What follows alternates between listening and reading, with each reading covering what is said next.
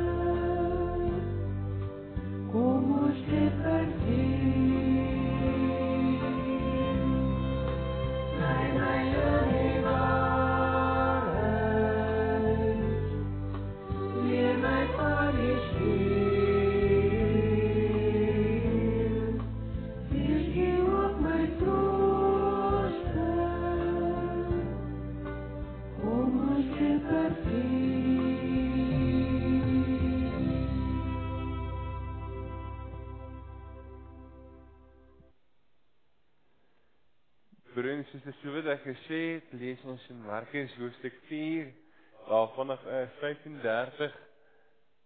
Ehm um, baie bekende gedeelte wat ons gaan saam lees. Laat daardie middag sê Jesus toe vir sy disippels: "Kom ons vaar oorkant toe." Hulle het toe die mense wat daar was, daar laat bly en hom saamgeneem in die skei waarin hy gesit het. Daar was ook nog ander skeite by. Skielik het daar 'n groot storm losgebars en die golwe het in die skei geslaan sodat die skei al begin vol word het. Jesus het op die bank in die agtersteewe in die slaap uh, gelê en slaap. Hulle maak hom toe wakker en sê vir hom: "Meneer, gee u dan nie om dat ons vergaan nie?" Toe staan hy op, bestraf die wind en sê vir die see: "Hou op, bedaar." Die wind het gaan lê en daar het 'n groot stilte gekom. Dis sê hy vir hulle: "Waarom is julle bang? Het julle dan nie geloof nie?" Hulle is met groot onsag vervul en het mekaar gesê: "Wie kan hy tog wees wat selfs die wind en die see hom gehoorsaam?" Tot sover ons skriflesing. As jy jou Bybel by jou het, ehm um, jy kyk net na die vorige paar hoofstukke of na die vorige gedeelte van hoofstuk 4, sien ons juis hoe Jesus besig is om hierdie die skare te leer. Ons sien ons beleef dat 'n redelike ernstige tyd was wat Jesus met die volgelinge wat by hom is, met die persone wat by hom is, deurgebring het. Hy hulle regtig kom wys en kom sê maar dit is wat die koninkryk van God inhou. Dit is wat dit beteken om te glo. En dat is dit hierdie onderbreking wat ons nou saam gelees het waar hulle oorgaan na Galilea toe of van Galilea weg gaan waar hy sê maar kom ons gaan na die oorkant toe. En in hierdie tyd is daar ewe skielik is dit Jesus in een skyk en dan sal 'n klomp ander bootjies by en terwyl hulle besig is raak Jesus moeg want dit was intens geweest. Daar's 'n klomp goed wat gebeur het. En die interessante is juis dat sy disippels by hom kom en sê maar Here hoekom slaap jy? Ons 'n bietjie terugblaai in die Ou Testament en ons kom by Deuteronomium 5 vers 15. As jy Deuteronomium goed ken, dan weet jy dit is daar waar die uh, 10 gebooie dan weer staan in die boek van Deuteronomium waar die waar Moses weer vir die volk om sê maar kom ons kom weer by 'n begin. Kom ons kom, julle is nou of Joshua eintlik wat vir die volk sê, maar julle is nou nie hier in hierdie land, julle gaan hom nou weer inneem. Dit is wat God vir julle kom sê. In vers 15 wat sê maar dink dink na oor die sterk hande en die uit, uitgestrekte arms waarmee God julle gered het. As ons nou ons eie tyd kyk, het voel dit vir my baie keer of dit iets geword het wat ons al verleer het. En dit gaan daaroor om te dink. Om te dink spesifiek oor God. Om 'n manier te sê maar besef ons en dink ons na oor die groot dinge wat God vir ons nog in ons tyd doen of is dit maar net iets wat so stil verbygaan? Ons slaan daarop aandag dalk so 'n paar minute en sê, "Wow, en dan gaan die lewe nou maar aan. Vanoggend se gedeelte wat ons saam lees, roep ons so bietjie tot stilstand. Ek kom vertel oor jy so groot daad wat die Here vir sy disippels kom doen. Soos ek gesê het na voldag se werk, na 'n klomp goed wat gebeur het, was Jesus moeg en hy lê agter in die boot en hy slaap. Ons hoor twee reaksies van die disippels. Die eerste reaksie is meneer, gee u dan nie om dat ons vergaan nie. Dalk later sou hulle waarskynlik spyt wees oor hierdie vraag, maar of skaam wees oor hierdie vraag. Maar daar lê iets in hierdie woorde. Hulle is moeg, hulle sukkel, hulle is bang. Daar is die vrees dat hulle iets gaan oorkom. En hierdie groot leermeester wat nou net wat hulle nou net voor die tyd beleef het, 'n klomp goed doen, 'n klomp goed leer, lê en slaap. Here, kom vergeet nie van ons. Men het hulle geweet juis dit wat Jesus kom doen het. Dit wat Jesus gestuur is om te doen. As ons dink aan Johannes 3 vers 16, het die disippels dit daai tyd nog nie gehad nie. Hulle kon dit nog nie lees nie. Hulle kon nog nie sien en beleef dat Jesus gekom het om die wêreld te red, om hulle juis ook te red. En ons sien Jesus op 'n manier wat reageer. En vir hulle sê maar dat hulle vrees lafhartig is. dat hulle mis. Die grootheid van God. En dat hulle geloof nie gebou is op dit wat dit moet gebou wees nie op die grootheid en op die werking van dit wat God vir hulle kom wys nie. Wat hulle moes mos geweet het. Dit is maklik om te sê Want as Ou Testamentiese mense, as mense wat die Ou Testament geken het as Jode, moes hulle geweet het dat Jesus juis as hy slaap, God juis ook nooit slaap nie. En dis wat ons lees, is die Here in beheer van die natuur. En Adventstyd, dit waar ons in is, gee vir my en vir jou die geleentheid om weer iets te kom besef van Christus se omgee. Die disippels wat bang is, die disippels wat vrees, die disippels wat Jesus kom wakker maak en Jesus wat opstaan en reageer. Ons beleef dit ook in hierdie gedeelte waar Jesus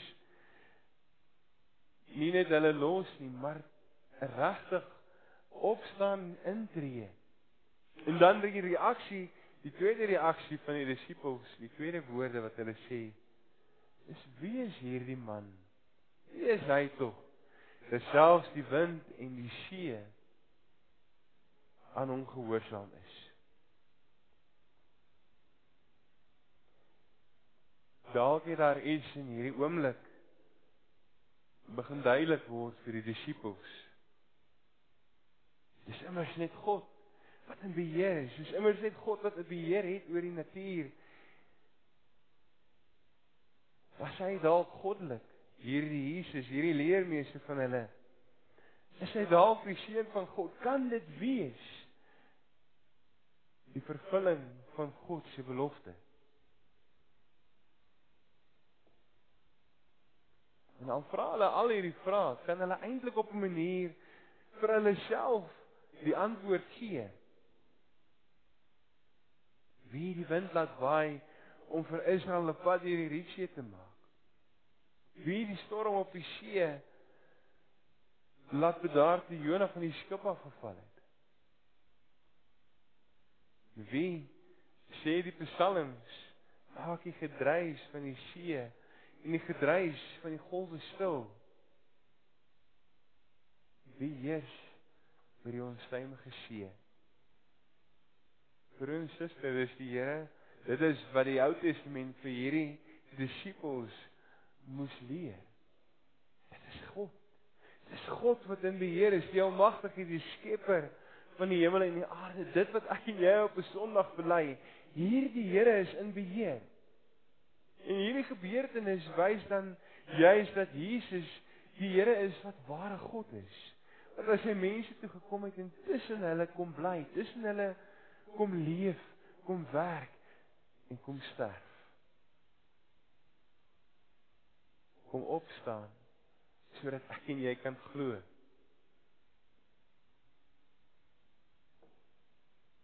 As ons na hierdie gedeelte kyk en ons kyk na ons eie lewe, dis mekaar begin vra maar beleef ek en jy hoe beleef ek en jy ons verhouding met God Is ek en jy soos die disippels nou het ons 'n klomp goed gesien het wat Jesus kom doen het het ons 'n klomp goed beleef het Kom vra ons nog steeds maar Here waar is u Here hoekom Waarom gebeur dit? Waar is u? Is u is u nog met my? Staan ons verbaas oor die grootheid van God. Sê ons saam met die disippels, wie is hierdie man tog?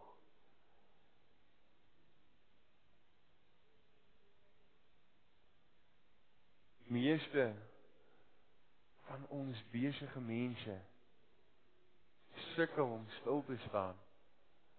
Sukkel om tyd te maak om in 'n verhouding met God te kan staan. Om God beter te kan leer ken. Om God te ontmoet.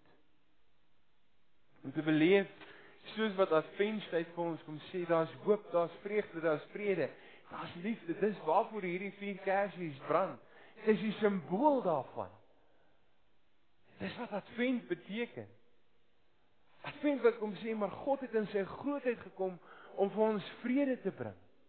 God het in sy grootheid deur Jesus Christus wêreld toe gekom en het sy seun gestuur om vir ons vreugde en blyskap te gee wat ons behoort aan hom. Hy kom wys vir ons hoe groot sy liefde strek. Hy kom wys vir ons die hoop wat dit inhou om hom te glo. Maar broers, is daar dit kan alles maar net nuttelose gedagtes wees as ek en jy nie in 'n verhouding staan met die lewende God nie. Ons kan soos die disippels vir mekaar sê maar Here vergeet U my.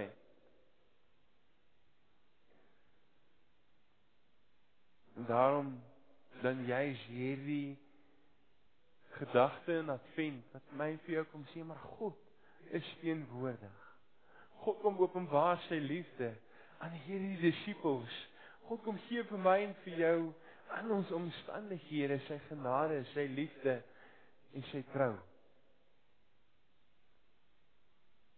As ons terugdink aan die geskiedenis, ons het Vrydag geloftefees gevier. God wat getrou is in die wie hom volg. God wat by ons is.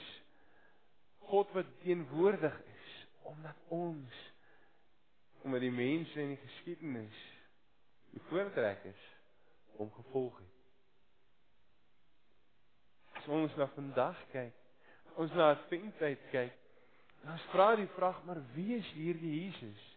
Wie is hierdie babe wat in die krib is? Wie is hierdie wonderwerker, die een wat mense genees, die storieverteller? Wie is Christus? Werklik. En ons dink aan Advent, so wat ek gesê het, hoop, vreugde, vrede en liefde wat God kom openbaar. Moet ek en jy vir mekaar sê maar iewers moet dit weer speel in ons lewe. Iewers moet hierdie adventtyd iewers moet hierdie gestalte van God wat in ons lewe 'n werklikheid is uitbars en uitvloei in ons lewe. Mense daar op straat moet kan sien ons huweliksmaats. Ons eggenoot, ons kinders moet kan sien maar daar's iets anders in my pa of in my ma se lewe. God is teenwoordig. Adventtyd roep my en jou op om weer vir mekaar te sê dat ons moet erns maak in ons verhouding met God. Want God is gestuur na hierdie wêreld toe. Vir my en vir jou. Maar ons kan dit misloop. Mag ek en jy broer en suster reageer, mag ek en jy aan God vashou in ons moeilike tye, maar mag ons ook weet dat God altyd daar is. As ons tyd het om te dink, mag ons oor die groot wonders wat God doen in ons eie lewe. Mag ek en jy daaroor nadink. Mag ek en jy dit neerskryf en dit onthou. Kom ons sluit die oë en bid ons saam. Here, dankie Here.